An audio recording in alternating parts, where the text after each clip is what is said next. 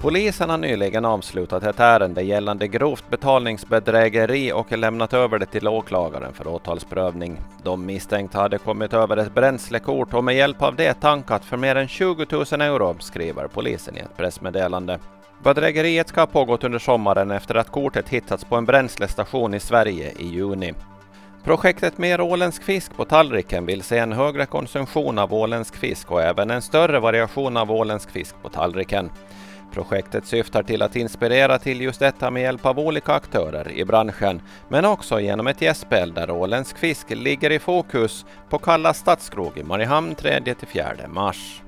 Kalle Nyqvist Juslin tar över som ny verksamhetsledare för IFK Mariehamn ishockey när han efterträder Kenneth Westerback.